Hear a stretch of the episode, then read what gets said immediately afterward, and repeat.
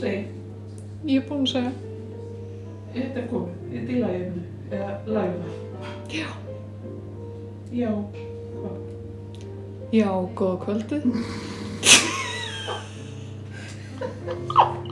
Þetta er bara með mig.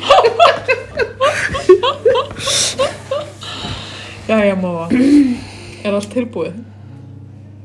Uh, nei. en við skulum bara segja það. Samt. Herðu, skál í búðinu. Skál. Við sitjum hérna í borðstofunni. Já. sem sagt ekki í stúdíu Barnaby, eins og hennilega. Nei. Uh, það er kveikt á kertum.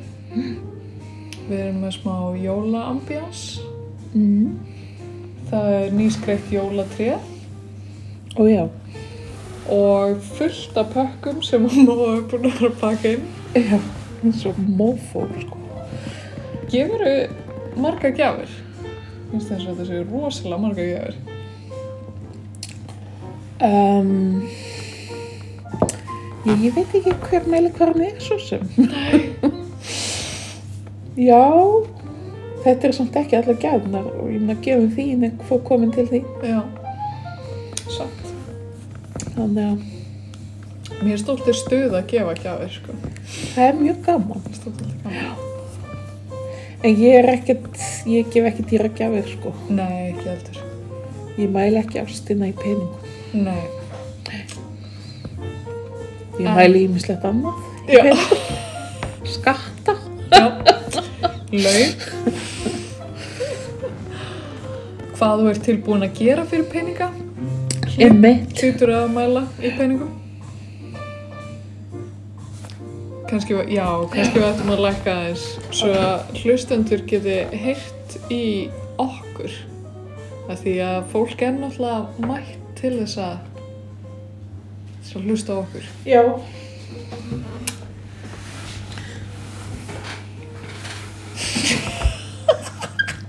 Já, hérna, maður er svona svolítið feiminn, þú veist, þegar maður er ekki í Já, stúdíónu. ég veit það ekki, það er Já, eitthvað... þess að þú er, ég verð svolítið pínum feimnari við þig, svona. Heldur- Kannski að þú ert nýtt klipp. Já, það er nýja klippingin, já. Það er vel. Takk. Svolítið svona tófi, going on. Já, gott ef ekki. Er það ekki? Já. Já, ég var svona ekkert alveg viss um að þetta væri málið þegar ég satt í stólnum að láta gera þetta. Já. En svo er ég alveg sælt, sko. Þú ert mjög sætt, já. Þakka þér fyrir. Svo er ég alveg sælt. Varst ekki að segja það? Nei, ég sagði það ekki ég, að ég væri sælt. Sælt, já, já. Sælda á þetta. Já, já, já, já. Já, þetta er svona ungra fólks orðatiltæki grella. Djók. Já, þetta er unga fólkið er alltaf, alltaf í þessu. En Hverju? hérna, uh, hvað er eins og skál? Heyru, mér datt í huga því að eins og ég sagði á hann, þá er ég ekki búin á öllu. Nei. Öllu. Þannig ég ákvaði að nýta krafta þeirna. Ég hef verið fengið hingað á fölskum fórsöndum. Alveg fullkomlega á fölsku fórsendum. Þú ert að fara að baka hálmóna, góða mín. Nauðug. Já. Og hvernig En- gerir maður hálmána? Já, sko, það er nú, Saga að segja frá því. já, sem sagt, amma mín bjóð alltaf til hálfmána Mm. og afi borðaði þá mjög mikið og Þannig það, kláraði þá mjög fljótt, já, það er gott samband þannig. já. Þannig að mér finnst aldrei að ég kom í jól fyrir hann þeir eru komnir á Mm -hmm. í einhver bók, sko. Mm -hmm. Þannig ég, svona, já. Þannig að þetta er, sko, ég er búin að gera degi Ok. og hérna, þetta er bara svona klassist hálfmána deg. Já. Veistu, ég hef Og- bara aldrei heyrt um þessa hálmána. Fyrir en hjá þér. Í alvöru? Já. Og hef aldrei smakkað þetta held ég. Ó, vá. Já. Ég held að þetta væri eins og allir væri með það. Ekki, ekki heim hjá mér sko. Ok, þetta er sérst mjög klassist hálfmána deg. Ok, nú veit ég það. En sko reyndar yfirleitt undarfarna ár þegar við höfum gert þetta þá hef ég gert þetta heimi á frænku minni Stellu Ok, og hún hefur gert degið sko já, ok. þannig ég er svona pínu rúki í þessum bransa Ok, en þú veist það getur passað gott ok. Og þú setur hveiti á borðið til þess að loði ekki við. Eitthvað. Jú, þetta er þetta er ekki alveg að virka hjá mig Strax fyrir að límast við.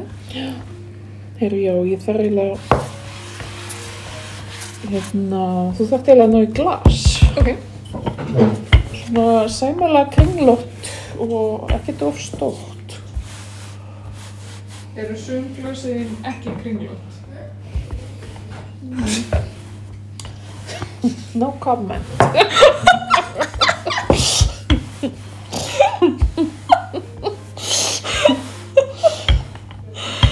sko, samkvæmt uppskriftinni já, þetta eru, þetta eru, hvað heitir þetta aftur? loftbólur. Nei, hérna Nei, já. Rúsínur. Nei, að ég man ekki. Ná, sænska kryddi. Kardimómur. Ok, Hérna, á þetta að vera sæmilega þau. ok, Því það er sko lyftituft í þessu. ok. Og hjartasalt. Já, einmitt. Er þetta satt mér eitt? Nei, ég get ekki sagt þér hvað hjartasalt er. Oh. Hansans, ég er búin að vera að spá óslega mikið í þessu. Her- En þetta finnum maður bara í svona gamaldags uppskriftum. Já, svona jólalegum öskutum. Já,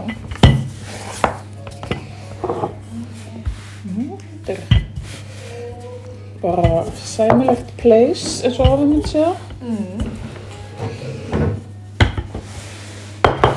Myndir ekki halda að þetta væri nógu þungt? já, sem manneskja sem hefur aldrei gert þetta en ég borða þetta áður, uh, þá líst mér bara mjög vel á þetta, sko. Ok. Um, Hvort viltu frekar svona gljós eða svona gljós? já, þetta er fínt. Ok, Þetta er bara, mér er ekki að sko. Svona. Já, og ég hefði náttúrulega átt að koma teskeiða líka. ok. Sko ég, sko ég bara strax kom með konu henni í vinnu hérna.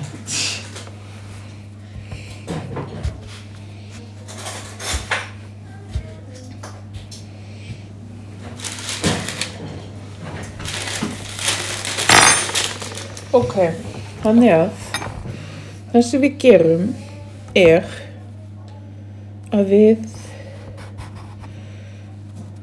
búum til Ringi. Já, skerum út ringi með glasi.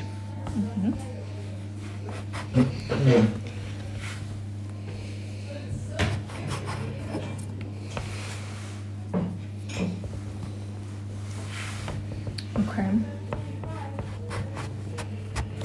Þetta er náttúrulega eitthvað sem að þú ert mjög lægið með þetta ekki. Jú, jú, ég er ofta kljást við þetta í, Í listinni. í minn, mínu starfsumkörfi.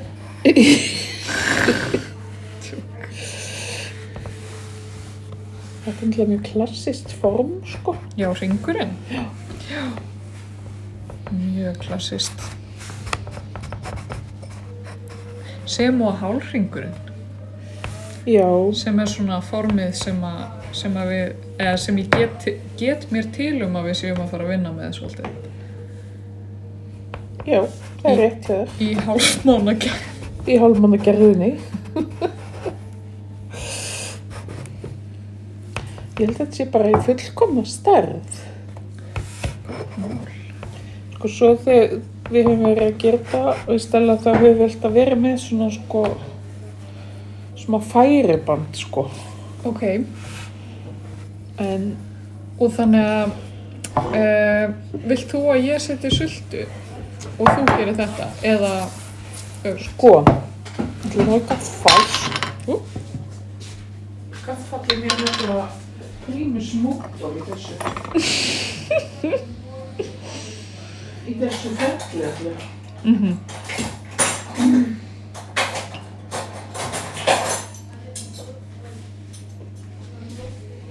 Já, ég ætla bara að gera eina til þess að sína þér og svo Ok, hérna. Svo getum við bara skipst á að gera, þú veist, já, sko galdurinn er að setja ekki of mikla sultu. einmitt. Ég get ímyndað með það. Þannig að kannski svona rétt yfir halva teskið. Ok, Sko, samkvæmt uppskriftinni þá er oft talað um sveskisöldu ok, en við Stella höfum bara farið í hundarinn, sko. Já. Upp á aldrei okkar. var amma þín í svörskjónum. Já, æ, hún var samt svo nýjungagett, sko, að ég held að hún hafi ekkert endilega alltaf sett sveskisöldu. Ekkert eitthvað alltaf verið að fara eftir reglunum. Sjáðu, Hún er mjög, þetta er mjög sætt. er ekki fín? Jú. Svo getur við látið stakka smakka svona. Já, ég ætla heldur betur að gera það. Ef ég má fá eina til þess að gefa honum. Þú náttúrulega færð fyrir vinn, í vinnulaun. Hvað fæ ég margar? Já, við sjáum bara til hversu duglega þú er. Oh. En kæru hlustendur, við ætlum sem sagt að vera með gest, Bakstursgerst. bakstursgest uh, sem ætlaði að segja okkur allt um bakstur uh, sem, sem partur af jólalínu hérna uh, seríun okkar en svo rugglaðist tímalínan eitthvað aðeins og, uh, og nú er bara óvart komin 21. desember og, og allir bara ógeðslega busy Eða í sókvi, eða í sótkví eða bara í einogrun. Já, eða með COVID Já. eins og hálft alþingi. Já, Um, þannig að það beilaðist en hérna við vonum bara að þið verðið sátt með okkur. Við ætlum svo sem ekkert mikið að tala af því að við erum mjög uppteknar að baka. þetta er mjög hérna vandarsamt verk. En sem sagt, maður setur smá dropa að þessari sultu Já. og svo loka maður hringnum í hálf hring og, og þú notar svona gaffar til þess að já, hvað myndir segja, pressa þetta saman Já. á köntum Já, og þá líka kemur svona þetta fína munstur, sko. það er nefnilega það Nefnilega það, sko. Og hérna... Svo liftast þeir, sko, svolítið og svona bólna út. þetta er úrskup samfærandi sko, Ekki. finnst mér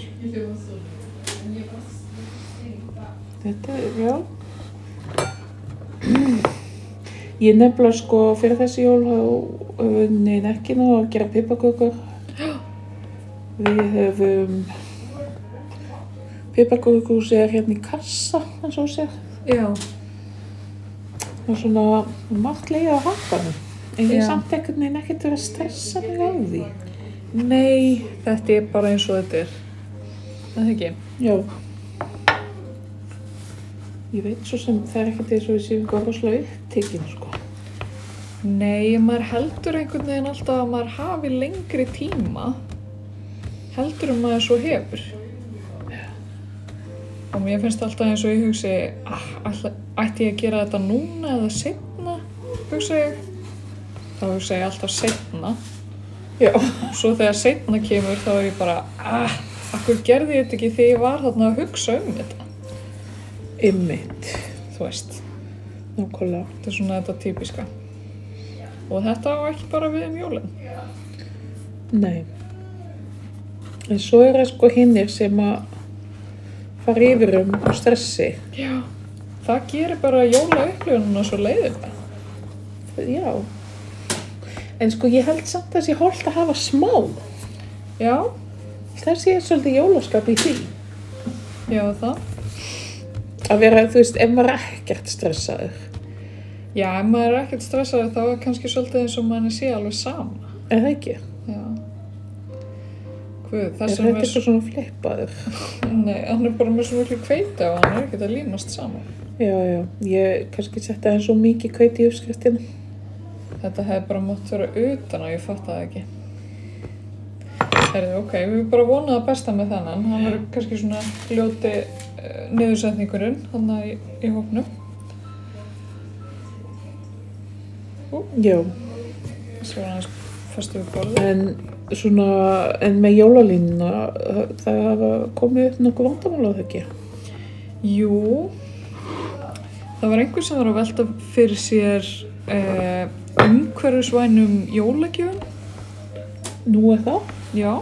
Og við náttúrulega heldum nafn lengt, eins og venjulega. Já, Þetta var bara einhver sem að sem að hafði samband við jólalínuna. og var að velta sér hvað hann geti gefið sem væri umhverfisætt. eða? Já. Af því það er allir að pæla í fótsporinu sínu þessa dagana. Já. Einmitt. Fótsporinu. Ég er- ég er undar með, ég er sem sagt, er ég prófaði í fyrsta sinn. Um, Manstu, ég fór og kefti efni í góða hirðinum. Já, við fórum saman. Já, og með þér og ákvaða að pakka inn jólagjöfunum í svona á svona japanska vísu Já, og ég man ekki hvað heitir eitthvað Furo Kishi eða Fuko Shishi eða eitthvað, Fuko eitthvað já. allavega hana Og hvernig gekk? og þetta er svo mikil snild Já, ég bara átt ekki von á því þetta er svo einfalt í fyrsta lagi þetta lítur rosalega vel út ok. og þú veist, maður einhvern veginn sleppir við allt eitthvað svona þú veist, að binda limbandið Já, um, þú veist, bamböndin allt þetta, maður sleppir alveg við það já, alveg snill. og ég sem sagt var einhvern veginn hafði einhvern veginn pínu aðeins og litla trú á þessu áður Já. þannig ég hafði verið búin að kaupa einhvern smá jólapapir Ok, en, en hérna en ég bara eftir þessa reynslu þá Já. hugsaði ég að ég en, endur þetta ekki þetta bara mm. og þá sko það, maður þarf að nota sko sko yfirleitt tvo þriðju stærra efni en ok, eða þú veist það þarf að vera einhvern veginn ég kann ekki að skýra það ok, en það er hægt að sjá þetta á YouTube ok.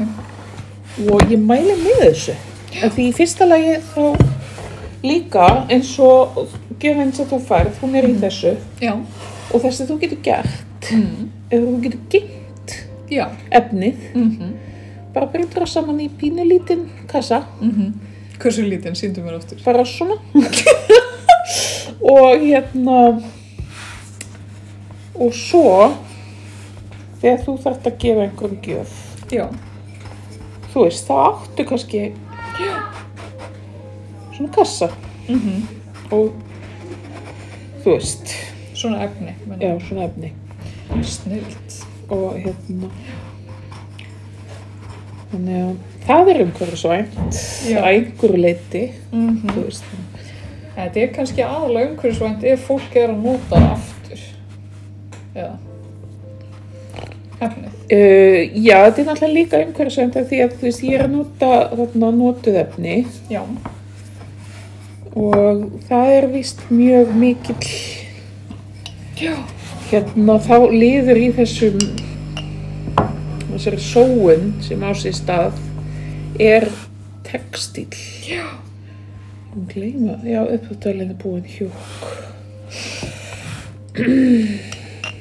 textíl er svolítið upp á síðan sem fór alveg til fjöndars. já, þeir eru sumir búin að fara eitthvað fórgurðum. Já. Já, það er bara gaman að því. Já, já, þetta er bara æfintýri. Hérna, Það var ekki Já. eins og þú væri mjög glöðu við því. uh, nei. Það er bara að halda í jólagleðinu líka. Mér finnst ég að hafa heyrt um mikið af fólki sem er að gefa upplefanir já, Það er líka að einhverju liti uh, umhverfisvænt, fyrir náttúrulega eftir því hver upplifunin er. já, það er kannski þyrlufuglaug, er ekki beint umhverfisvæn. Nei. Já, það er auðvitað að segja það. Ég reyndar, ég fekk svo mikið nóg af þyrluflugi. Já, var það ekki. Þú Ég veist bara s- búin að vera fljúandi fram og aftur í þyrlum. Nei, eða sko, ég fekk ekki þyrluflug, en í sjósundinu í sumar, Já. þá sem sagt voru, þú veist, allir og ammans að fara að sjá þetta helvitis gos Ó, já. í þyrlu. Þú veist, hvar, hva, hvern ringi maður einu sinni í ef mann langar rosalega að fara í þyrlu, þú veist. einhvern á, á rétt hjá Nýtólsvík Arnar er svona. og ég var gerðsann að vera vittlaus alltaf þegar við vorum bara í þýlikum friði í sjónum bara Já. þannig að, nei, Segjum nei við þyrluflugi já þessi jól. það er ekki umhverfisvæn upplifun einmitt, þetta upplifun er kannski svolítið villandi Já, þú veist, ef til vill. það er kannski þú veist, það er kannski umhverfisvænt að gefa hótelgistingu af því þú veist, hótelin eru nú þegar til eða eitthvað svoleiðis Já, eða út að borða já, einmitt. Líka Og- út af því að út að borða, þú veist, þá er maður kannski að styrkja einhverja veitingastæði sem eru kannski að ströggla núna í COVID-inu. og- emitt um, ég, mér hefur látið dott í hug sko að ef ég þú veist úlingarnir mínir, ég veit ekki hvort er, er að hlusta en þú veist, þeir getur gefið manni svona þvott á bíl eða eitthvað svo leis Aha, eða þú veist, þrif á þvóttahúsi eða whatever sko það er mjög góð gjöf, mm. en það endar samt oft á einhverju svona, jæja, er komin tími á jólagjöfina mína. já, og svo töði eitthvað svona og ég var lí- hérna gefið svona gjöf með góðum hug og hérna og svo bara komist að því að það er ekkert alltaf rétti tíminn fyrir mig nei, að nei, uppfylla það sem ég segist alltaf að gera já, eða skilur, þó að maður meini það þegar maður lofa því já svo þarf að finna tíman og það þarf að þú veist, Ok, ok. þannig maður vill ekki gefa eitthvað sem að verður þrætu eftir setna Það er reynda mjög góða punktur. Mm. Ég fór í, eins og fræktir orðið í klippingu um daginn og konan sem klippti mig, hún er búin að gefa allri fjölskyldunni sinni upplifun. Já. Þau eru alltaf að fara í hellaferð saman og ég bara gat ekki verið meira hissa. Það er skottið þóli hvort annað því að þeir losna ekki til hvort annað í þessum helli. Þau ætla að gera sér þannig á dagaminn, fara þannig að rétt hjá Snæfellsnesi í einhvern helli. Hún var að spyrja mig hvort ég hefði komið í hann, ég sagði ég bara get ekki sagt þér það. Nei. Kanski. Já, við erum að koma í einhvern helli þarna um Snæfellsnesi. En það var ekkert í tísku að vera eitthvað að kalla það upplifun á sínum tíma. Það var bara eitthvað að fara í helli. Eh. Já ég, Þetta er svona, núna er þetta svolítið svona tíska. Já En þá er líka, þú veist, út af túristunum er búið að búa til svona einhverja umgjörð um hellin og það er hann hægt að fara og fá sér kaffi eftir á eða eitthvað, ég veit ekki já, skilur, já. Já. þannig að þú veist, þau eru hann að keiru upp eittir og ég veit það er víst ekki eitthvað rosalega veitingastæður er á grunda fyrir því. Eitthvað svona bara misselín bara Já, gott hefur ekki sem að þarf að panta borð og eitthvað. Ok Heyrðu, er þetta ekki bara, er fyrsta platan ekki bara Jú, tilbúin? heyrðu, getur þú nokkuð googlað hvað þau þurfa að vera lengi? Uh, Ertu að fara eftir einhverju ákveðinu uppskrift eða? Ég bara googlaði hálfmána. Ég seti þetta bara í opnin og við sjáum hvað gerist. Já. Eða byrja að því ég ætla að setja sko hérna, hvað heitir þetta, skeiðklukuna. Já, Það ég setja hann á sjö mínútur. ok.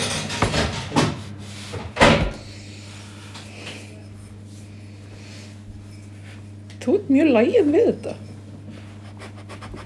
maður geti sagt að liti út fyrir að ég hef aldrei gert annað. Ég er að segja það. Nei, ég hef einmitt, ég lauga þér þann aðan, ég, nei, tjók. Ok. Vá, ég... Að ég ætlaði að búa til einhverja sögur svo var ég ekki komin lengra. Við fóreldra mínir voru með halvmanna versmiði í Afríku. Það var raunverulega ástæða fyrir því að við byggum það. Fólk flyktist að frá öllum heimshotnum til að bræða hálfmónu okkar. Eftirspurnin var svo mikil að ég þurfti að hætta í skóla og til þess að framlega hálfmóna. Sigurrið, getur við upplegur jól í Afríku? Já, tvísver. Já, ok. Og einu sinni komum við til Íslands. Kom jólasetni? Já, Hann er mjög viðförund. allir 13. Ég Ég var svolítið að útskýra þetta fyrir samnefndum. Já, Þetta með 13 jólasveinuna. Mér var svolítið kannski eins og þau væri svolítið vittlaus að pröfa ekki bara að setja skóan út í glugga og kannski, þú veist. já, einmitt.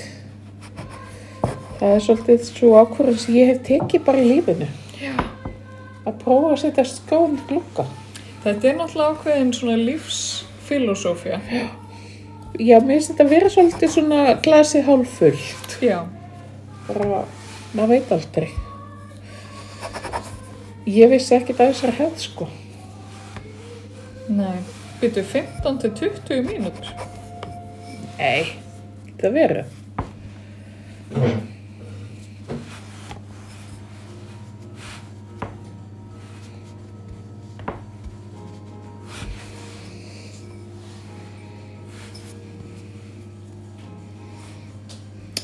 Já, þeir eru ansið litlir þannig ég ætla að segja tíu.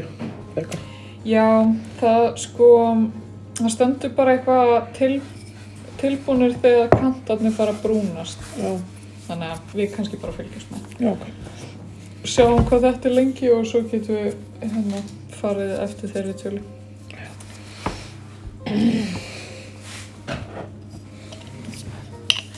Já, einmitt. Er, það, er ég að standa mig sem Stella frænka þín eða?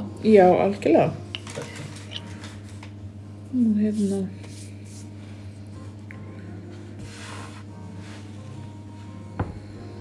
Mm, mm, mm. Er hún of upptekinn til þess að gera harmona með þér? Já, hún er reyndar upptekinn kona og fjögurabanna móðir hérna. Nú, já, já. og hérna en við bara erum ekki búin að ná þessu fyrir þessi jól Hann Nei. er bara stundum þannig. einhvern veginn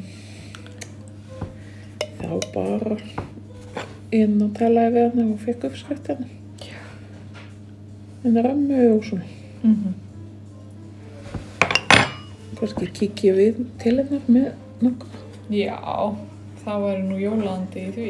eða ekki Mm en já já þannig þú varst þarna í Afriku og jólusveitin kom allar leiðin að hanga Já, eða jólusveitarnir og fyrstu kartublökt tíma ég hef aldrei fengið kartöflu.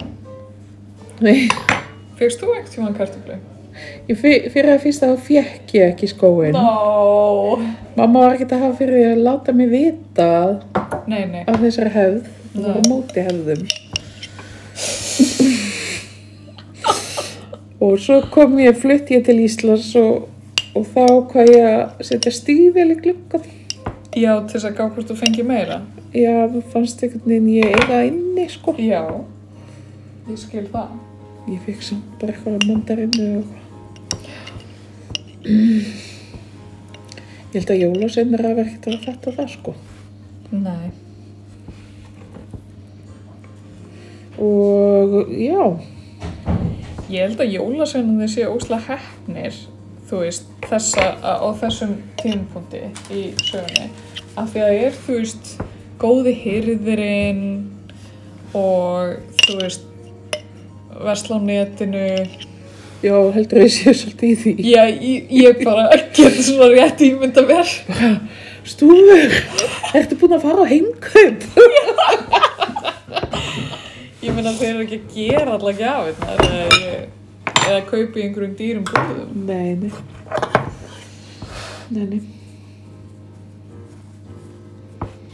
Þetta er náttúrulega, já, mikil vinna, skulum við segja. Já. Þeir eru náttúrulega búin að vera, vera að þessu í ára raðir og kannski orðinu svolítið þreyttir og þú veist það eru kannski gamlar jólasveinagjafir sem er að koma inn í þessar En s- þeir hafa nú verið á sínum tíma mjög svona umhverfisvænir, þegar maður spáir í því. Nú? Þú veist, pottaskjefill, Já, þú veist, hann er að nýta afgangana. þeir eru mjög nýttnir í Já, sér þannig að þú veist, gætu við lært eitthvað af þeim? Mögulega þessi vinnur okkar sem var að spurja hana hana hvað hann geti gert umhverfisvænt Ég kannski er bara hægt að gefa fólki skýra af ganga já, og skófinnar einmitt úr öskunum og já, pilsuenda og einmitt Allskinn svona, því um lykt. Því ekki það. já, þeir, þú veist, þeir hafa verið sko með fyrstu bókassi Já. þú veist fyrir bókassi Já. Bókassi er náttúrulega mjög umhverfisvæn hérna gjöf, bókassítuna. já, Ef maður er að gefa kannski einhverjum sérstökum í lífi sinu. Maka eða já, eða einhverjum sem er virkilega þarf að samt manga myndir vilja fá bókassi tönnu frá Ég staklega hef verið til í það. ok, Ok. En, ég, en ég er enda mjög spennt út af því hint, að hint, djóka Hann er búinn að ákveða eitthvað og hérna, ég er svolítið spennt af því að hérna, hann skuttlaði mig sko hingað og sagði, já hann sagði við mig að fyrrafræði, ég get sko skuttlaðir af því ég þarf að fara í lítið jólaerindi Heyrðu, Arna sagði nákvæmlega sem setningu við mig í dag. og mér stilði bara eitthvað svo skemmtileg. Það er þessi lindardómur svona fyrir jóli sem er Já. svolítið svona hugulegur. já, Bara já. Og eða þegar eitthvað okkar lappar hérna inn bara lokiði augunum. Já. ég sko, Þú, vilt þú gera þetta kannski? ég, ég væri til í að byrja. Já. Ég sko, ég elska líka smá þegar að, þú veist, ég er búin að finna gjöf fyrir einhvern og svo er ég bara einhvers staðar út, út í lífinu, kannski í góða hyrðinum eða bókabúð eða eitthvað og ég finn aðra gjöf Ó, já. sem er líka góð. Já. Þú veist, eins og fyrir mömmu og pappa eða, eða starka, of- oftast er það reynda starki sem lendir í þessu og er oftast búin að kaupa eitthvað svona fullt af einhverjum svona litlum, einhverjum, þú veist, örgulega allt og mikið Já, leðilegt kannski fyrir hann en hérna, nei, það er gaman. ég hef gaman fyrir hann en þá er alltaf eins og ég sé að reyna að upstage hann sko, Já. sem er ekki planið ég bara en já, mér finnst- mér finnst alltaf svolítið gaman þegar maður er eitthvað svona ekkit endilega að leita að gjöf fyrir einhvern og svo bara einhvern veginn finnur Gjöfum mann já, eða konu. já og hérna lendi í þessu svolítið núna þessi jól sko og hérna þannig það eru svona sumir sem vera að fá svona eitt og annað Ok. sem er alltaf svolítið svona svona stuð sko Þú rendi líkana. meira kjötu nú er ég að spreita með á því að flytja út Móa hefur verið að manneskjan í þessu Já, ég ætla að kekka á þessu kekk á meðan.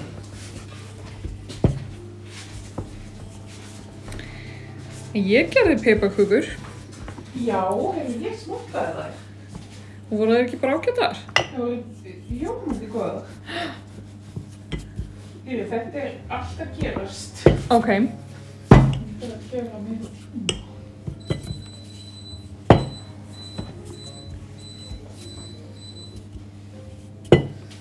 Nú þe- Þetta þarf alveg fjóra myndir við bóðsöka. Ég myndi segja 14 mínútur per. Já, var það ekki sem stóð í uppskriftinni sem ég var að Jú. segja við þig? Og þú sagði bara, nei, En þú hefði réttur þér. nei, internetið, það er rétt fyrir sér. Sko. Já, eða það. Ég held að þetta hafi meira að segja verið Albert Eldar. Já, eða það. Hvað agaleg er þetta? Stiggi.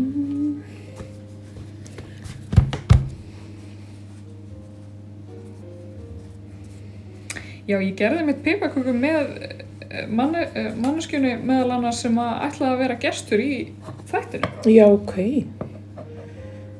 Það er ekki mjög brest að gera pipakökur. Nei, Mátti ég segja það. ah. þetta er allt í steik maður.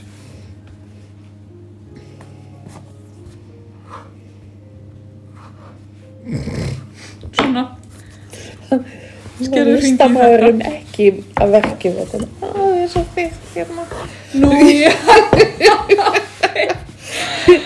Á, Aðeins það er svo hérna. hérna. Bara. Ítu guð með góður. Nei, nei, það. Vá, hvað eru flottir. Í Það er ekkert ofninum. smá sætir. Það er alveg eftir að þetta er fullkominn stærð fyrir þá líka. Mér finnst þetta að vera svolítið svona eins og svona pólskir dumplings. Já, piróki þarna. Já, Já. það lítur svolítið þannig út. Ég hef reyndar Já. aldrei smakkað þannig, sko. Hér ég smakkaði svo list þannig að mágur minn, hann bjó í pólska hverfinu hann í Brooklyn. Ok, Það fórum á einhvern svona pólska veitingastað. ok, nice. Svo var hefinu reynda smakkaði líka í Lofsö. Glemt að segja það. Ég held Þetta að, er- ég held að það séu sko einhverjir sérstakir jólapjóki. Í alvöru. Já, Oh my god. en Ég var að horfa á pólska jólamynd ok, og hún var svo skemmtileg og ég skildi fullt. ok. Þú hvað ég var móttin. Já, býtu, þú ert búin að vera á Duolingo.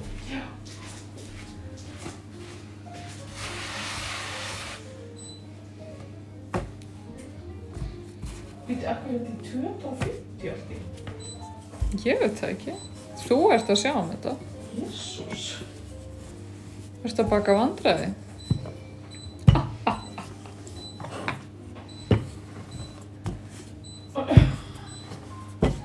Nú. Uh,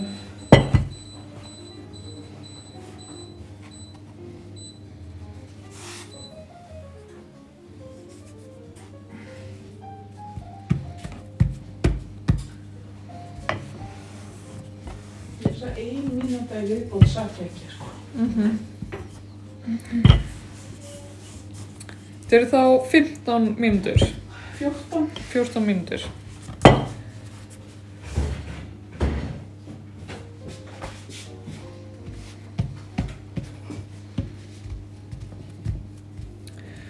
Við hugsaum sko fyrir þennan þátt. Við veitum, við gerum okkur grein fyrir því að þetta er ekki mikið content. En sko um jólinn, það er eiginlega tími þar sem það er allt of mikið content. Einmitt, já, ég er svo sammála. Þannig að við erum bara, við erum bara hérna með ykkur og þið getið tekið þátt og hlusta ef þið svo kjósið en við erum alveg til í að vera bara svona vingjarlegar bara í bakgrunnum. Er það ekki móa? Jú. Jú, ég vil það setja hérna inn. Þannig að við erum búin að búa til núna hvað, tvær plötur af þessum hálfmánum og það er enda fullt að degja eftir.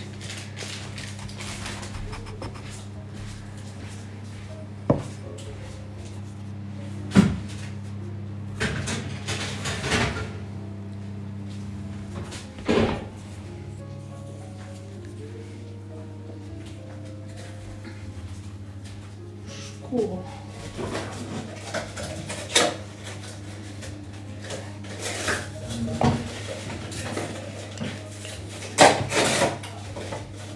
en já, þ- mamma þín og, og, og pabbi, eru þeim einhverja sérstaklega bakstöks eitthvað?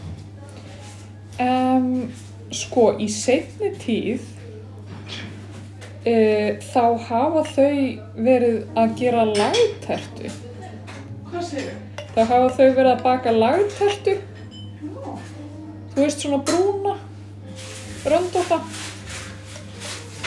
Þetta var alltaf reyndar kallað randalína já, já, já. á mínu öskuheimili sko en, en margir kalla þetta lagtertu það er eins og fólk veitir frekar hvað maður á að tala um ef maður segir það en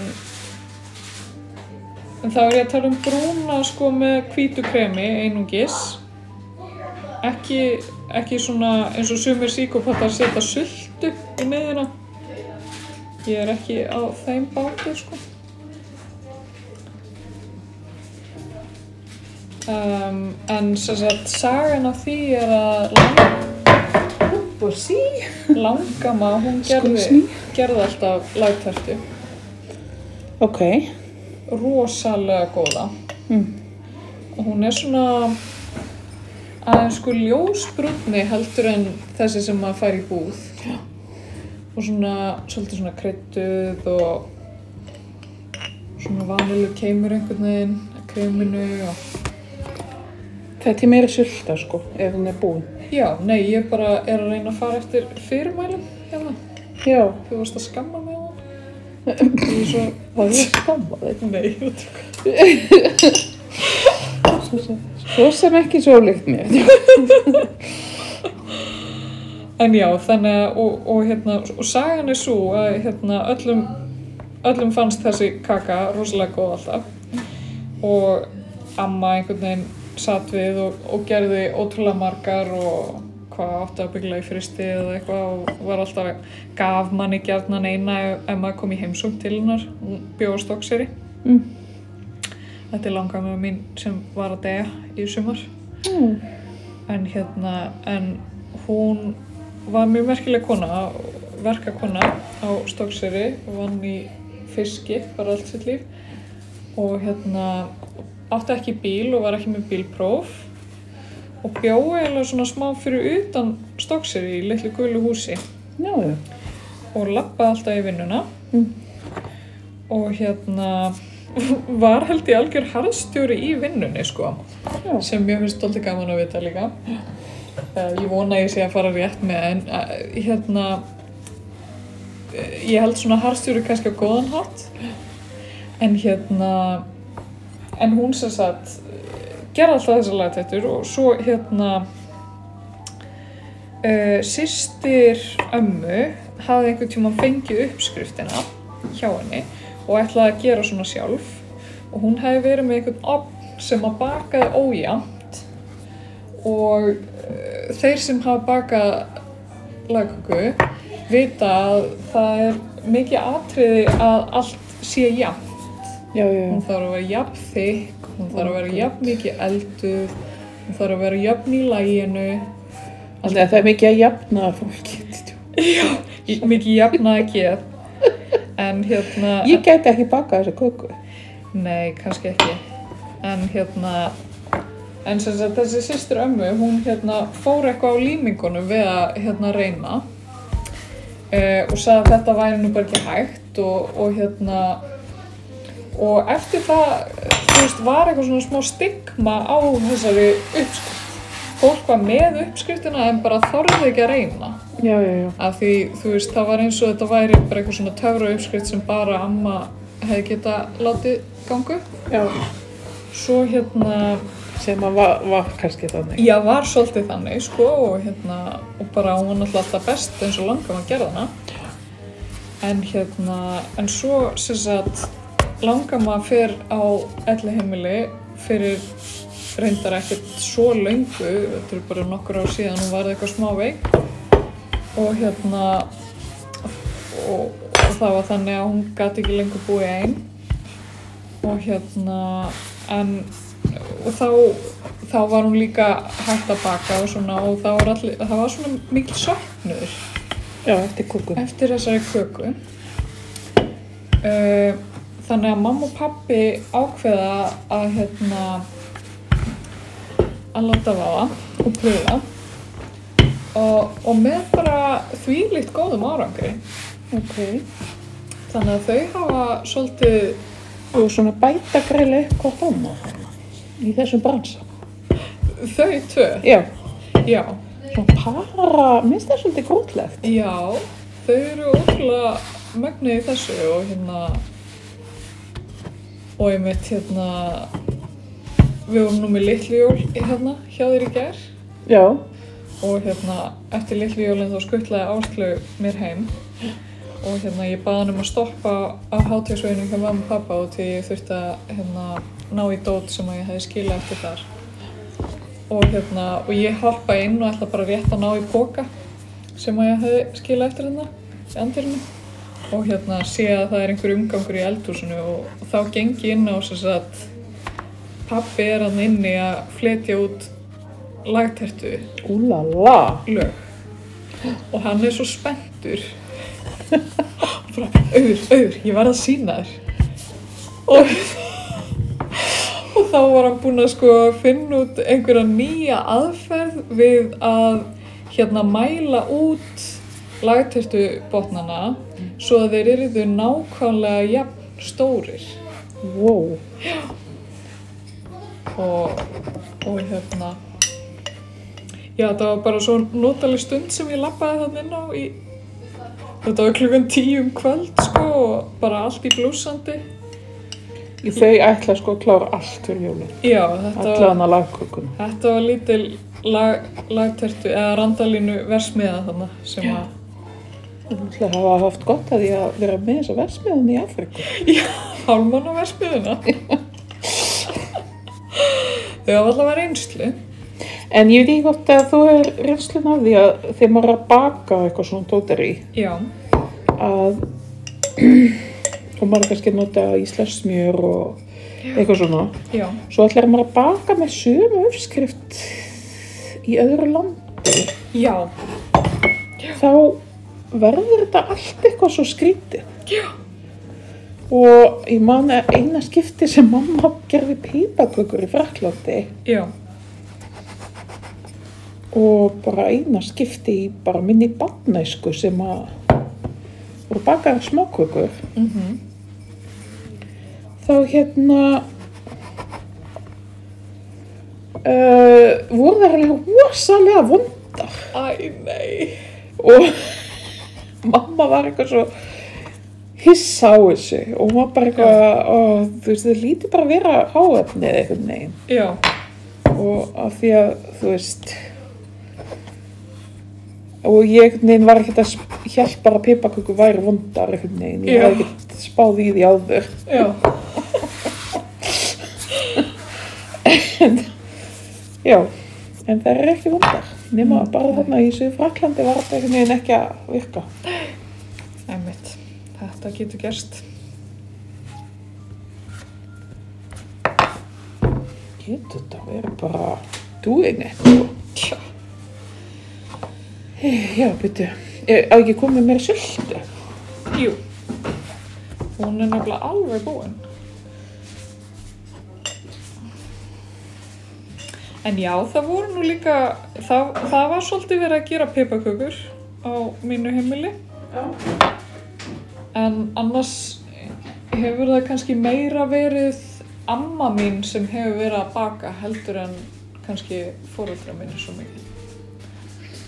þegar það er bara luxus Ú, bá mamma! þetta fæst í hagköp Mm.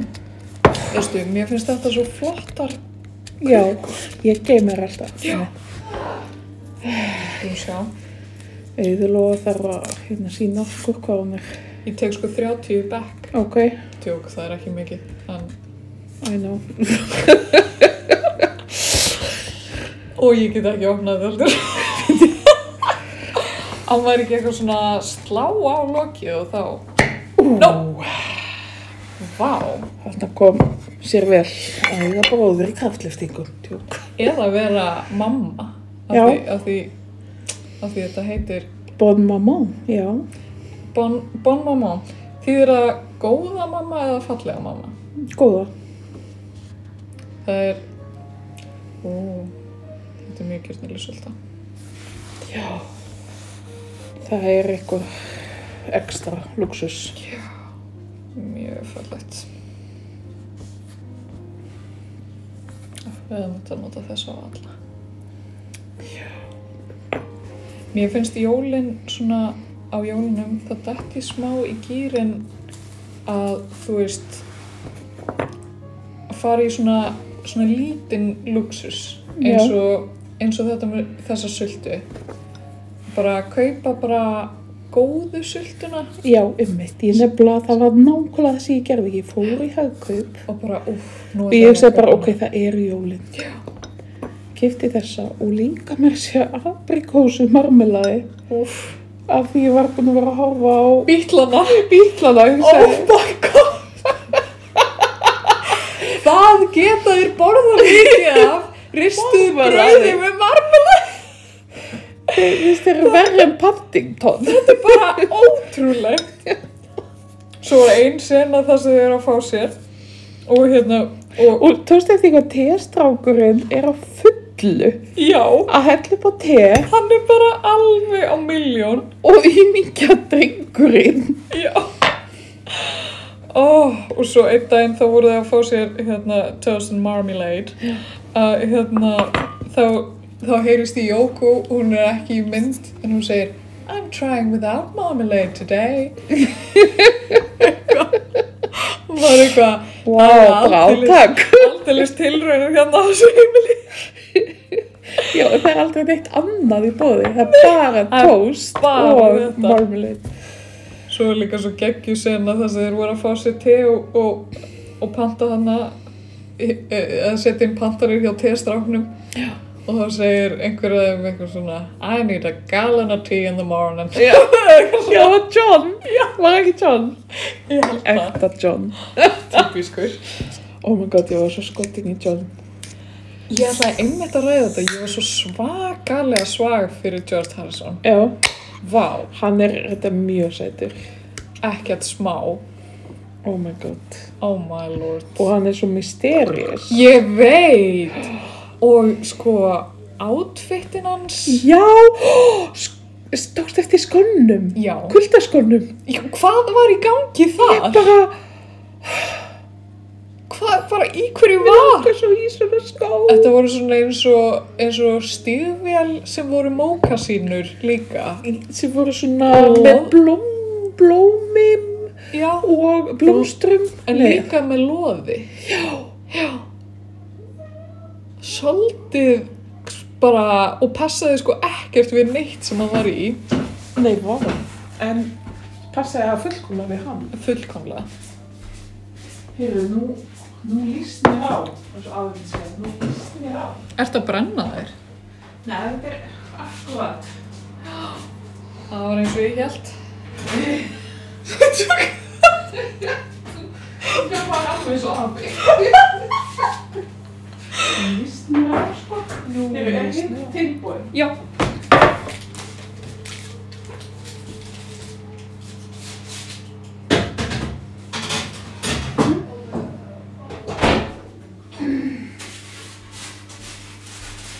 Heyrðu, já, var ég búin að sína þér þessa kukuskoplu sem ég á? En flott. Kukuskopla. Lífsnöðsilega í desember. Vá.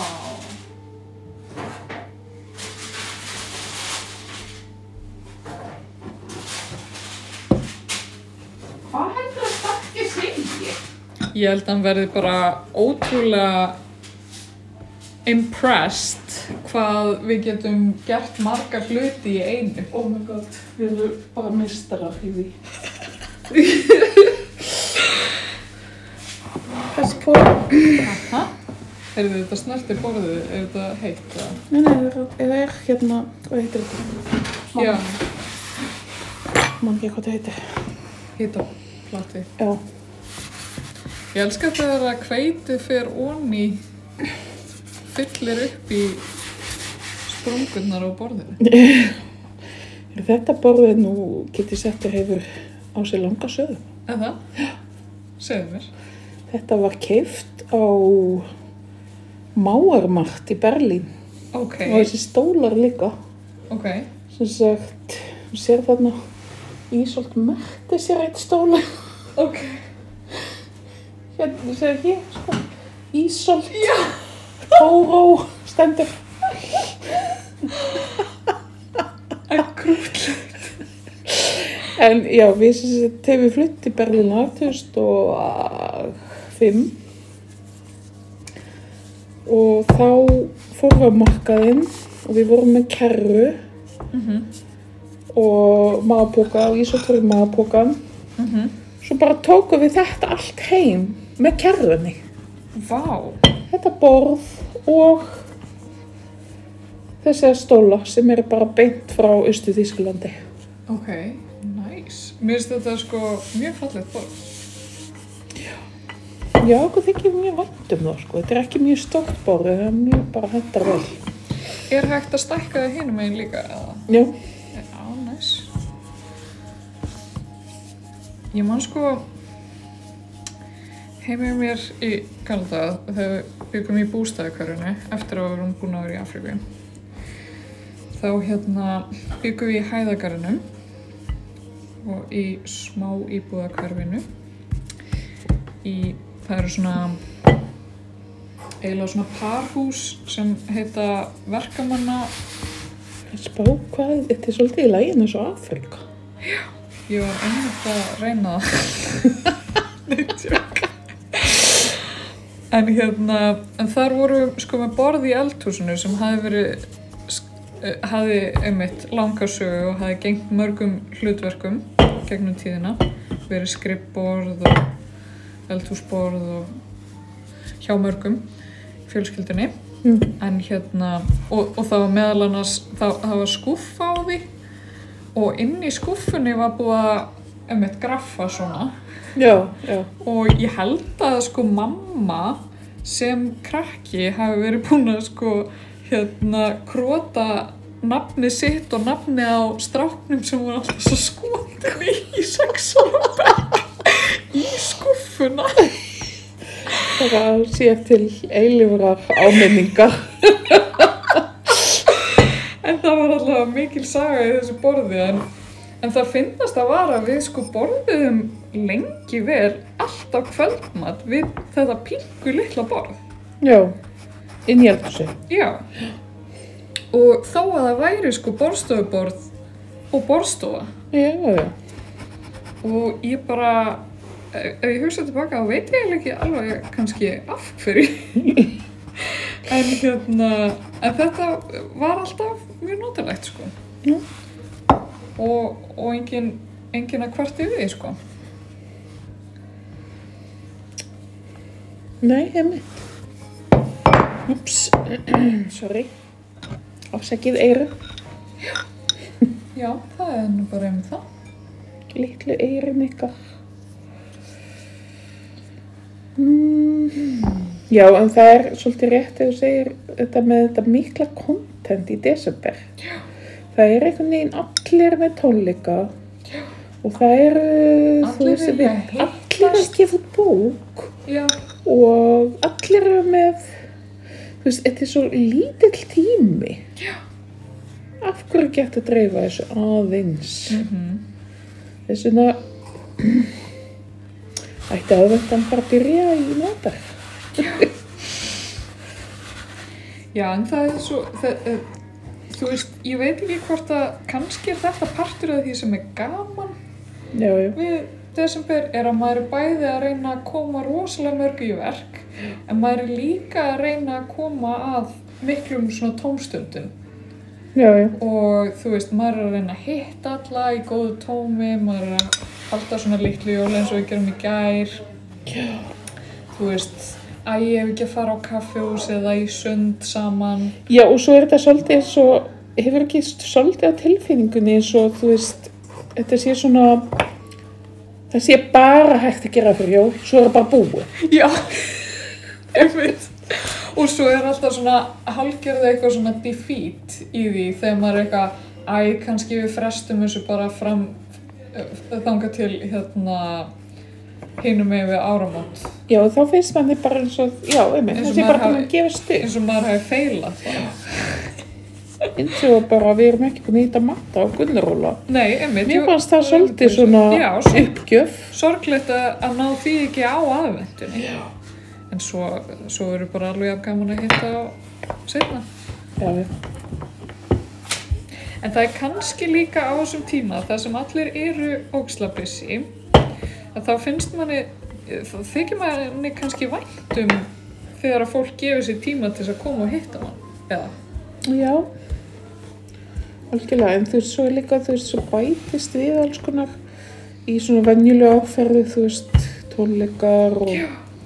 sýningar og upplestrar svo, eitthvað svona, já, og svona skildu eitthvað. Já. Og svo þarf maður líka einhvern veginn að kaupa gjafir handa öllum og... Já.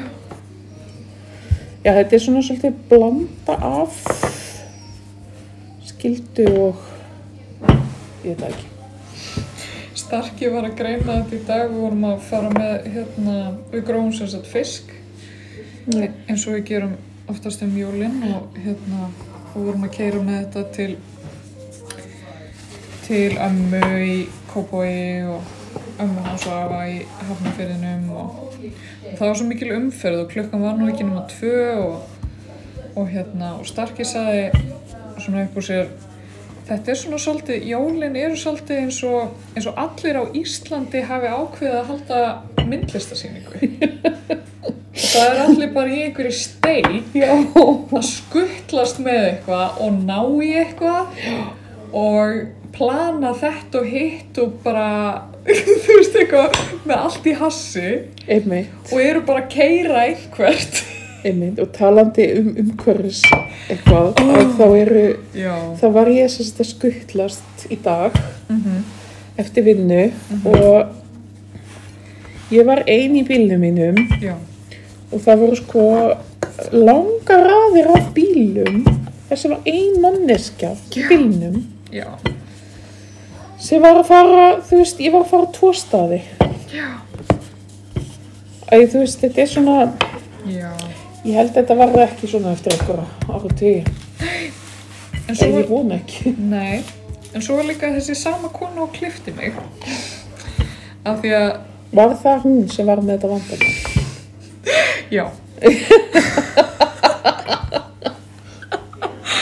Nei, hérna, það er bara alltaf svo gaman að hitta eitthvað sem er bara svona algjörlega ekki í samfélagslegri búblu manns. Já, Eða skilur, einhver sem er bara að hugsa um algjörlega aðra hluti heldur en ég er að hugsa um. Þú veist, hún, hún, ég var búin að vera að prjóna af því að ég þurfti þess að býða eftir klippingunni í spá hvort ég sé úlingum með þeir. kannski lækka aðeins í þeim rostan. Ísöld, aðeins að lækka í ykkur. Svara Karolína. Þetta er bara svo klassist. Já, fyrirgjá. Já, hérna, já, ég var, ég var búin að vera að prjóna og býða eftir klippingu í svona klukkutíma. Já, dúleg. Já, ég er búin að vera að reyna að myndast við þetta. Og, hérna- Nota tíman. Og hérna, og sem sagt, uh, hún sá það og var að spyrja hvort að ég væri mikil prjónakona sem ég gæti nú sagt nei við af því að ég er mjög sjaldan að prjóna nema akkurat þannig og uh, en þá fór hún að segja mér einmitt eh, svona alls konar eitthvað sem hún er að prjóna og það hljóma allt bara mjög ósmæklega en þú veist en hún er bara að gera þetta og bara algjörlega jafngilt og allt sem ég er að hugsa skilur þannig að ég var bara, ég var bara svona að spurja hana um ímislegt bara svona sem hún var að gera og, og eitthvað svona og hérna og bara hafa gaman að ég heita einhvern sem að væri ekki svona ekki einhver svona echo chamber fyrir mig Já, já, já. eða sko- skilur mig Já. en hún Er ég mikið echo chamber fyrir þig? Við bara höfum svo svipað skoðanir á svo mörgu, skilur En það er líka Ég er kósi. samt alveg cirka sjö kynnslóðum eldri en þú. Já. Það er rétt. Ég var ennþá í torfkofanum. ætlaði að ég myndi að segja hvernig, hvernig fór með þig og fjölskyldu þína í móðu hálfundunum? Móður hann- harðindi voru sko nefnd eftir mér. Já Móðu harðund Já.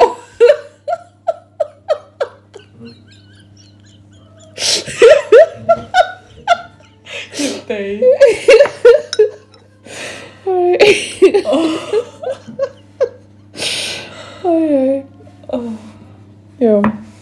En- En hvað var hann að sm- prjóna svona ósmækla? Æ, hún alltaf prjóna sig eitthvað vesti sem hljómaði mjög illa. En hérna, allavega, ég, hvað ætlaði ég að segja? Já, hún, hún hefði bara ekkert farið neyri bæ Nei. í, í þessari jólavertíð og hún hefði bara keift allar jólagjafirnar á netinu. Mm, Alvöru? Já. Fá. Já, Ég reyndar sko, ég þóla ekki að fara í búðir þegar er mikið af fólki. á ég búðum. veit það. Þannig ég skil það svolítið vel. Já, og en þú veist, ég reyndar ég er búin að gera það mjög kompakt Ok. skulum við segja þú veist, ég fór í eina búð eða við Arnar fórum í eina búð rettum ákveðnum kynnslóðum já, og bara 1 og 17 Mhm. svo í dag fór ég í tvær búður að retta rest mhm. þú veist Það er mjög gott að maður getur gert það þannig, sko. En já, ég, mér langar alltaf að vera manneskjan sem búin að plana allt, búin að panta allt og það er allt komið Mhm. en ég er aldrei hún. Þannig já, já, Svona nú það. það verður eitthvað tíma.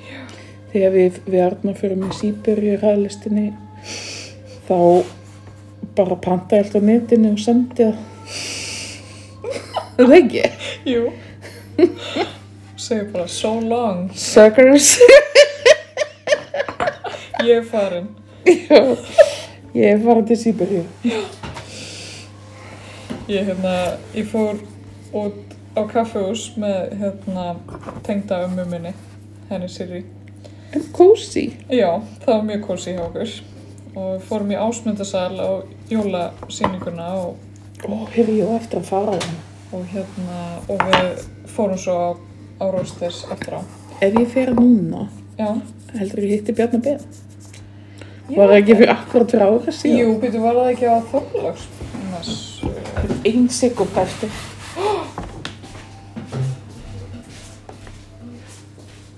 Úlala, sko. Þetta, þetta, já, nú þarf ég að fara að stýta tíma. Já.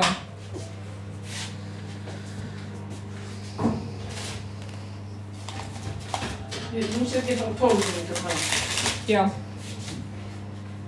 Já, en hún segir þess að við mig, hún Sirri, uh, að hérna, að ég ætla ekkert að vera í neinu stressi þessi jólin. Ég bara, þú veist, gerir bara alþrifin í vor og hérna, og bara, þú veist, jólin koma alveg þó að maður sé ekki búa, búin að þrýfa hvern einasta flöt heima á sér. Var, var þetta tilbúið hinn platan? Já, allt er búið. Er nokkuð heitt þá? Nei.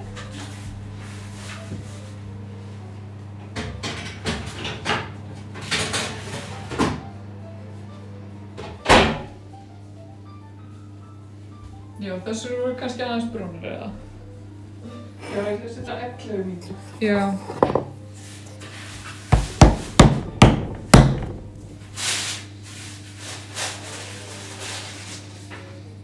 Þeir líta mjög vel út. Já. Góð lykt. Svona smjör, smjörlykt.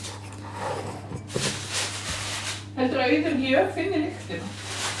Já. Hún er líka galdra kona.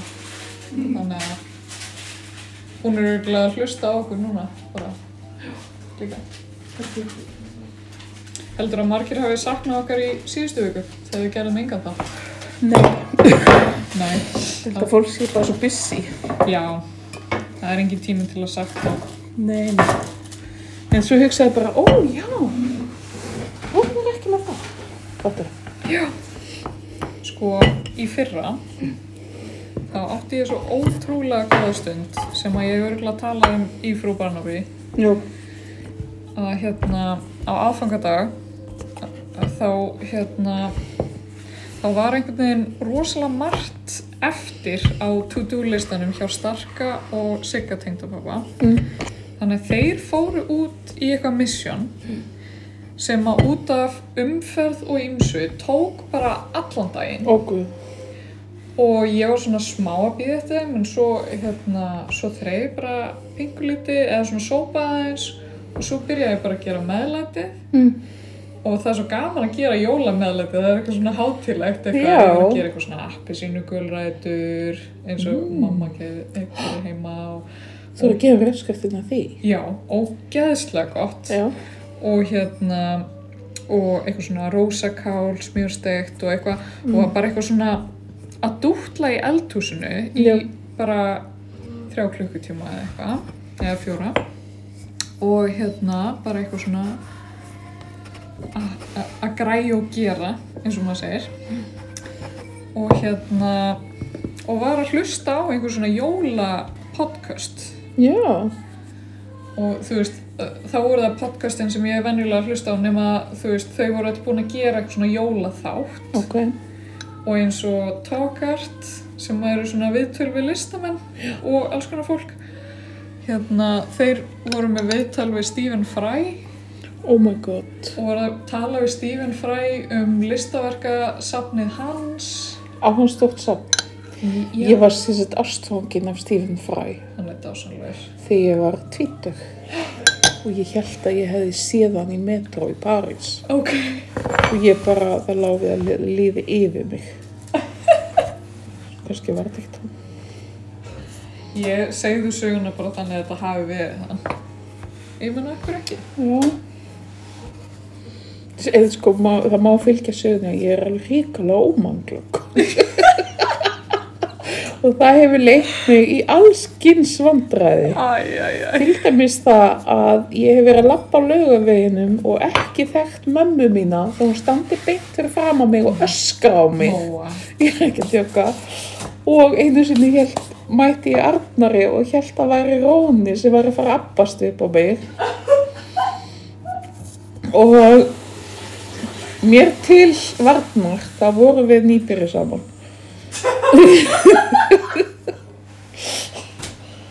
og já, svo, en svo hef ég líka kynst fólki. Á þennan hátt. Já, ég er svona óvart var að heilsa einhverjum bara, já, ég þekki þennan. Og svo bara eitthvað fer þessi manneski að heilsa mér og svo endanum bara þekkist þau. Já, myndast bara einhver vinskapur.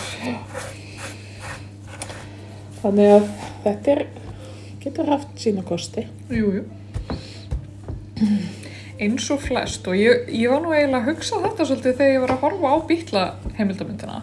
Já, Er að þarna eru fjóri menn sem að hafa gríðarlega kosti já, og bara allir ógæðslega talentir að þeir. rosalegt, það er rosalegt hvernig músikinn flæðir og kartni. Já, einhvern veginn bara svona streymir út úr þeim. og hérna og einhvern veginn og hafa líka marga góða mannkosti Já, já, þú veist, en líka galla já, já, og hérna og það var svo ótrúlegt að hugsa um þetta að því, þú veist, það er, það er svo mikið búið að vera að reyna náttúrulega alltaf í tímasrás eitthvað að vera, má ekki taka myndir af þér fyrir grammi. jú, endilega að hérna að, Bakterisins, já, skrítið byrta. já það Já, það er- að því þú ert undir ljósin. Engillin þinn. Já, en hérna, en þetta eru sem sagt fjóri menn með, með kosti og galla og hérna, og maður gæti sagt að þú veist gallarnir í þeim og gallarnir í samskiptunum millið þeirra hafi allir því að bílarnir hættu saman Já, eða, já, eða þannig já, já. að því að hérna, að því manni finnst svo leiðilegt að þetta ótrúlega fenomen hafi hætt að vera til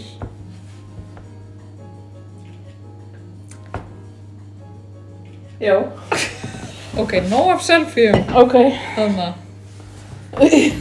Og hérna, en, en sko,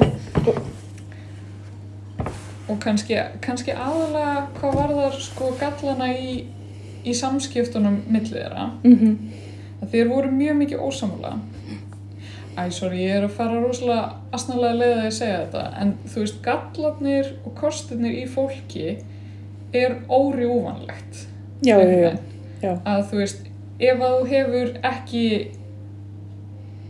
vissa galla, þá hefur bara einhverja aðra galla Einmitt, einmitt, einmitt. og, og þú veist, og, og stundum Nefnum að ég er svolítið heppin að þessu um leytindi. Já, ég var reynd að hugsa það það er nú verið öðru sem hefði móa við í bílunum Það er aðeins öðruvísi. En hérna, en þú veist líka það að gallanir manns geta líka verið partur af kostunum í manni Já, á já, sama já. tíma. En Það er til dæmis þeim, þeim maður er mjög ástfangin, Já, kemur fyrir besta fólk. maður Já. er svona, uh, veist hvernig maður er svona infatjúaraðar plað. já, Veist hvernig maður er svona algjörlega einhvern veginn já, nánast ekki með domgrind, já, gagvart einhverju manneski. já, Og þá einhvern veginn í því ljósi verða gallinir, allir dásamlegir. já, Þau voru bara eitthvað, vá, wow. hann talar svo mikið.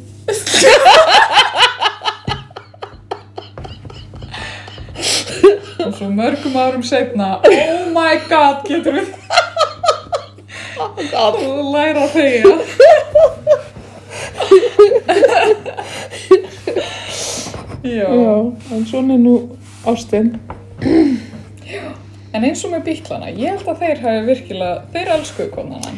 Já, mér finnst, þið mitt, mér finnst svolítið greinilegt að hérna Karni og Lennon Já, hafi átt bara mjög svona mikið brómans algjörlega.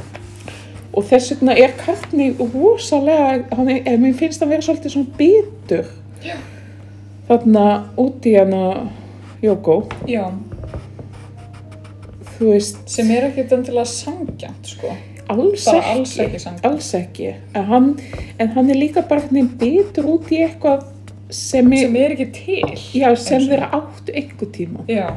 Já, og hann var hann að tala um eitthvað, já, við byggum hann á sama stað og bara af því við vorum á sama stað, þá vorum við alltaf saman og þá vorum við alltaf að semja einhverja frábæra tónlist og Já, já. þú veist, svona eins og maður getur gert einhvern veginn fallega mynd úr fortíðinni Já, akkurat. og svo núna er hann alltaf með henni, eða þú veist, einhvern veginn. Já, hann- mér fannst, hann var svolítið óvæginn þarna. fannst mér. Já. Svo Og fannst, svo, svo var hann, hann var fyrst, sérstaklega í fyrsta, rosalega svona stjórnsamur. mjög, Og s- samkvæmt bíklafræðingnum á heimilinu er það svolítið svona nýjar upplýsingar. í alvöru, ég er nú alltaf Já. þetta á tilfinninguna. Ef þú veist að, eða sko líka það að þessi upplifunin sem var af þessu sessjóni var að það var bara úkslega leiðilegt af sessjóninu. Það virtist bara oft vera mjög gaman hjá. Einmitt. Og það er, þú veist, þetta að einhvern veginn, ein, ein, hvernig er talað um eitthvað eftir á, segir ekki hvernig þetta var. Nei, af því þarna voru líka bara fjórir mjög frjóir einstaklingar saman í herbyggi að reyna að láta hlutina virka. Og líka það að verkefni endi þýðir ekkert endilega að það hafi feilað. Þú Einmitt. veist, maður fann það svo stert á þeim að þeir voru bara, þeir voru allir bara búnir með bíklan. Já, já, já. Og þeim, uh, þú veist, þeir voru bara fyrstir í að fara að gera eitthvað annað, eiginlega allir. Já, Og þú veist, þeir voru bara að vinna inn í þetta bíkla format út af því að það var eitthvað sem þeir þekktu og það voru einhverjir, einhverjir amerískir peningagæjar sem voru að láta það gera það, svona sem ég, einmitt. það var á tilfinningunni. Já, já.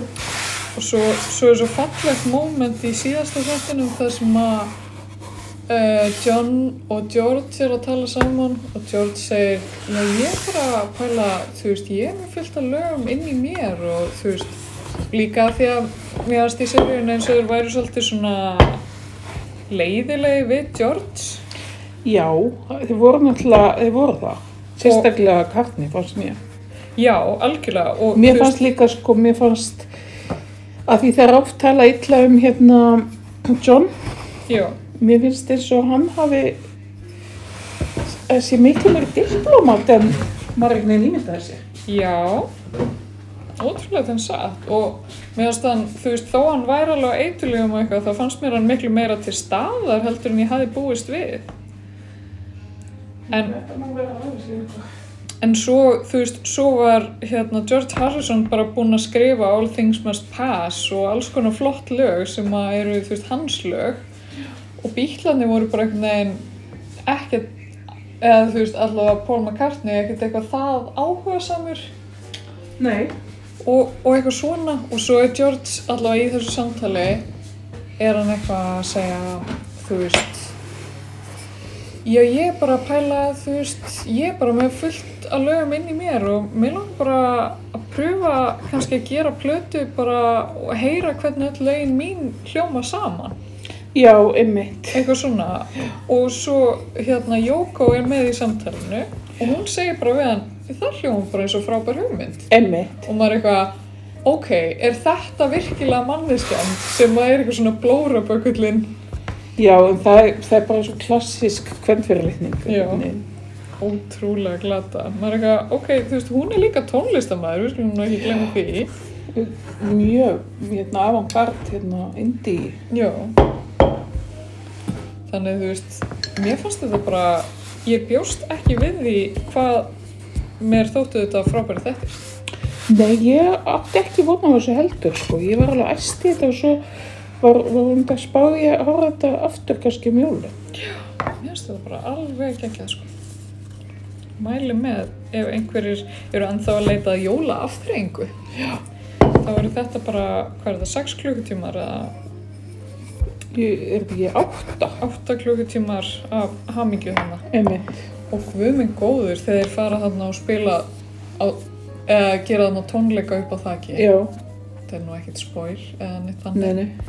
Uh, Nei, nei, þetta er ríkt.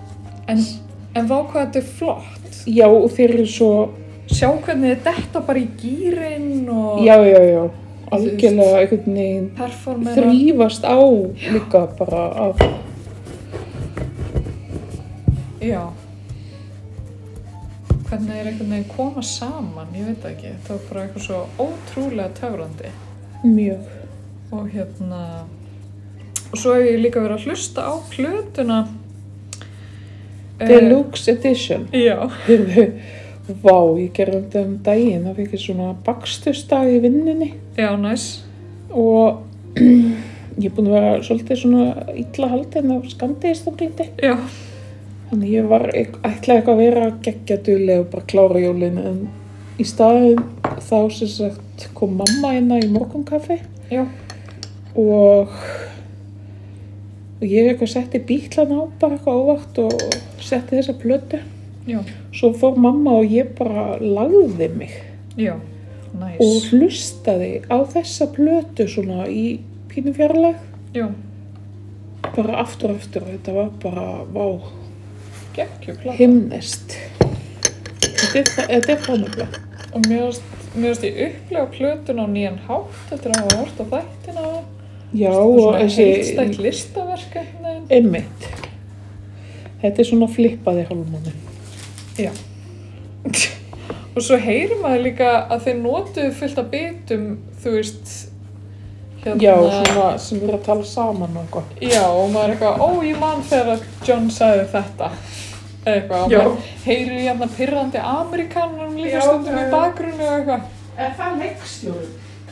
Æ, þú veist þessi sem er alltaf að tala um tónleikana bara eitthvað, já, sko ef við ætlum að gera tónleika, þá þurfum við að gera tónleika, eitthvað. Og það er einhvern veginn enginn þarna annar í þessu herbyggi sem er eitthvað spenntur fyrir því. Eða, fannst mér, nema Pól kannski. Hvað segir þau? Mér gett þér. Nei, ég, ég hugsa að við náum svo einni plötu yfir.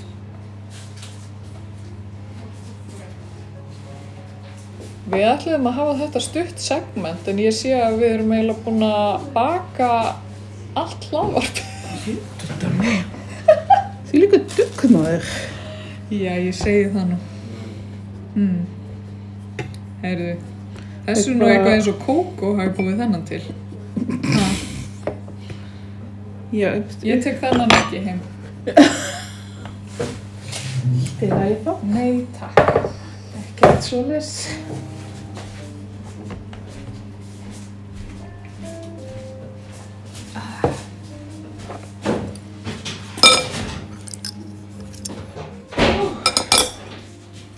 Heyrðu, já.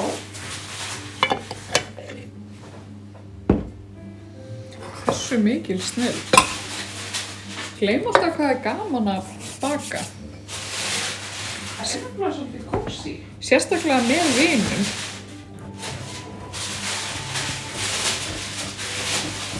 Mjög notalegt.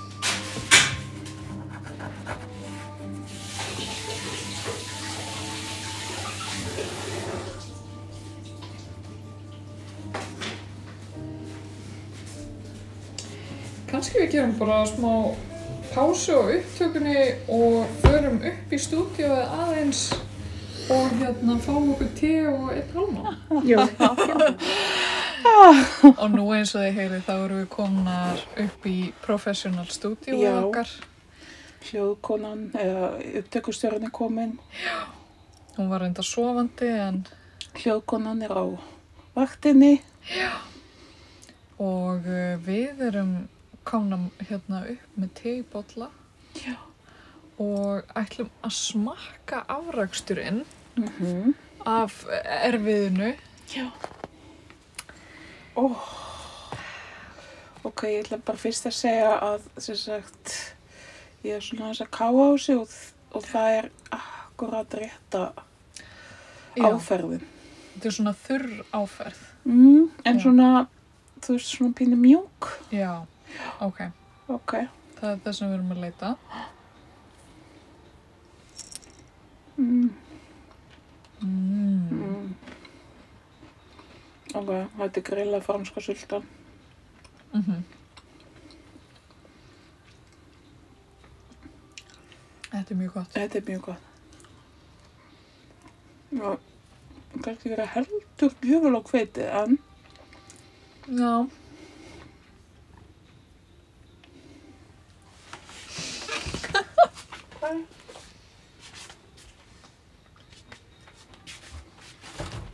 Steppi, við erum að taka upp.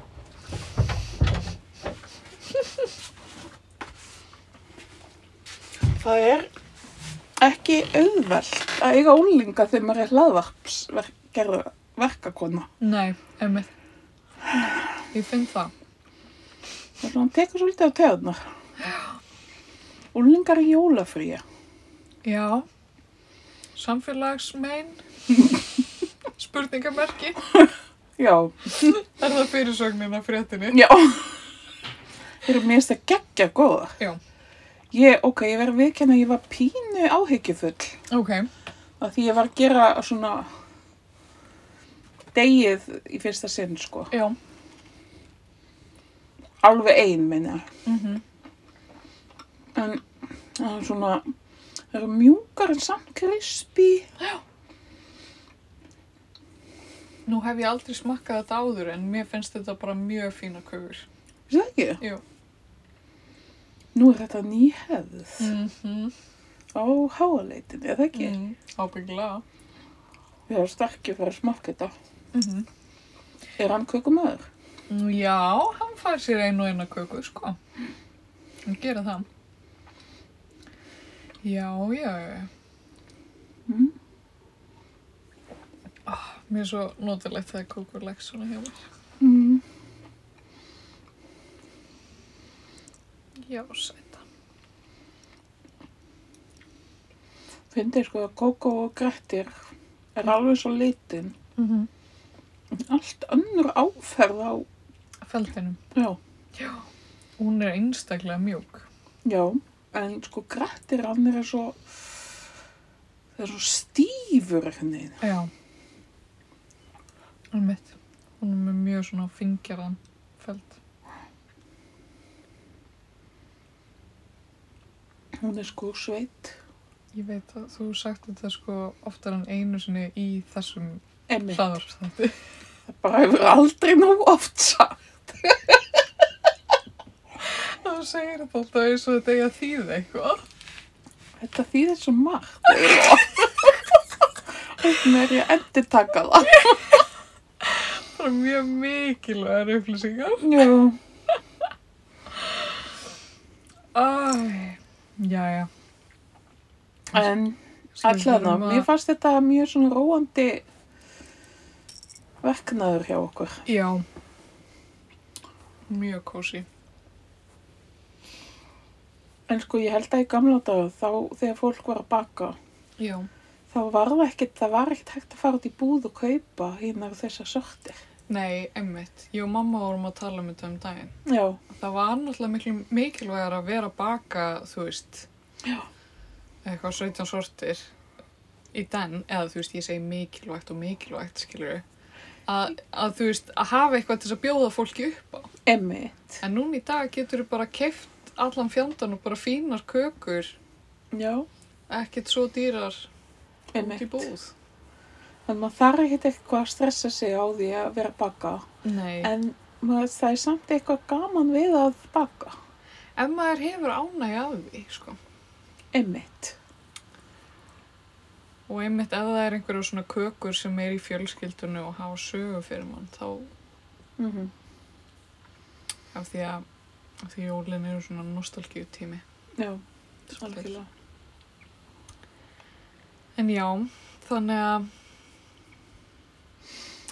já, býtu voru við búin að tæma listan af umhverfisvænum jólagjöfum ég sko, ég nefnilega var Hérfið, það er smákökur, það er nú, er það ekki umhverfisvænt? mjög og matur sko, Já. að gefa mat það er eitthvað sem að, sem að fólk hendur ekki e, eða þú veist, Já, sápur og kerti líka. Já. Þa, eh, gefa eitthvað sem að sem að fer ekki bara í urðun, skilur. Einmitt. Eitthvað sem að, þú veist, fólk getur borðað eða notað eða, eða eitthvað og er ekki eitthvað svona bara, Já, og sem er lokal, er ekki ennþá umhverfisvænt. jú, einmitt. Þannig að þú veist, þú getur gefið starka hálmána í jólugjöf. Já. Það er mjög umhverfisvænt. Já. og svo, svo er náttúrulega að versla í góða þyrðinum og rauðagrósunum. Já. Það er, ég var ég búin að segja þér að ég var að stríða stelpunum mínum um daginn. Nei. Þær voru eitthvað að tala um að þær var að föndra svo fínt handa mér í jólagjöf. Já. Og ég segi, já, en gaman, vegna þess að ég er að föndra svo fínt handa ykkur.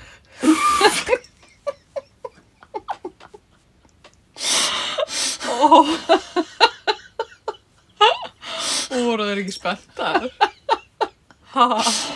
Nasty mom. Ah, Það var að djóka. Oh. En það er reyndar, það verður viðkynast. Það eru fallegustu gjafurnar sem maður fær sem Já. fóreldri. Mm. Það er svona eitthvað átakanlega oft, oft, ekki í mín tilfelli, ég bara fekk ég mjög fallegt. En Já. Oft er þetta alveg hrikalega ljótt. Svona leikskólaföndur. Já. Ég man sérstaklega eftir einu sem var svona máluð tómatsósuflaska. Mm, En svo man ég líka eftir einu mjög flottu sem var svona bara pínulítil krukka. Já. Búin að sauma, nei, líma svona blunda á hana. Já. Svona kertastjaki. Mm. Mjög fínt. Mm. Það er umhverju svænt. Föndraðar jólagjafir. Já. Jólagjum. Hérðu, þú færð reyndar umhverfisvæna jólagjöf frá mér. Nú, já, já. Oh my god, ég get svo ekki beðið. Getur þú mögulega komist frá að fóka þetta og hringt í mig? Ég get bara komið hinga. Stúdíóið. Verðum við ekki saman á jólunum? Ég trúi þess ekki. Þú þarf allavega að segja mér hvað það finnst. Mjög fljótlega. Já. Ég, ég þarf kannski bara að fá starka til þess að taka upp viðbröðun mín. Er- Ertu búin að giska? Hvað, hvað ég fæ frá þér? Já. Ég hef grunum eitthvað. Ok. En ég ætla ekki að segja það. Oh my god, ertu ekki spennt? Jú, mjög. Agalega spennt. Ó, já, já, ég hlakka nú bara til um jólinn. Já. Ég held bara ég líka. Já. Fyrir þetta ekki að vera komið gott hjá okkur? En e, þá er það bara gott líka af þessari sériu. Já, hefðu. Fjórða seri á enda og Hvað næst? já, hvað tekur við? Hver veit? Framtíðin. Omikron. um, samgönguband katta. Já. Mega kettir knúsast lengur. Ég veit það ekki. Ég veit það ekki. Ég hef tekið eftir hvað fólk er, hvað finnst allt í einu. Þú veist, það er búið að vera svona, núna má knúsast, núna má ekki knúsast, núna má knúsast. Þeir tekið eftir þessu. Já, og þú veist nú erum búin að hitta eitthvað vini sem eru bara eitthvað má ég knúsa þig núna Eh, þú veist það er allir einhvern veginn pínu svona vandraðalegir já. maður svona veit ekkert hvað maður má, hvað maður og ekki og Þetta er svolítið erfitt tímabil, ég mitt fór til ömmu og afa áðan og ég veit að afi er rosa mikið ekki að knúsa sko og, og, og bara mjög hands off en amma, þú veist, rétti mér faðminn já, og ég bara svona, mér langar að knúsa ömmina en mér langar samt líka ekki að knúsa ömmina. Hvernig á ég að, þú veist, hvernig á ég að díla við þetta? þetta er alveg ríkalegt Þú veist, að því, að því eitt er að knúsast sem er svo dásamlegt. já, og, og þú veist, það er líka svo eitthvað svo leiðileg höfnunatilfinning sem að fylgir því að knúsa ekki, já, mjög þú veist. Já. En samt vill maður ekki bera ábyrð, þú veist, og hvað nei, ég mitt hva ef maður er smitaður eða, þú veist, ég veit það ekki. þetta er bara, þetta er vandraða Já, já. en við ætlum ekki að enda á þessu nótum Nei, við ætlum að mögulega að byrja á fymtu seríu í janúar já, hver veit hvað gerist. Og það, Mjög það ólíkt. verður sko dundur. Það verður besta serían. Já. Allt hitt sem við erum búin að gera er bara bliknar í saman. Já. Já, nema bakstusþátturinn og föndurþátturinn. sem er alltaf toppar allt. Já, algjörlega. Þetta er mjög notalega stund. hjá Já, okkur. ég Bara bara, takk fyrir að þetta bara, baka með mér. já.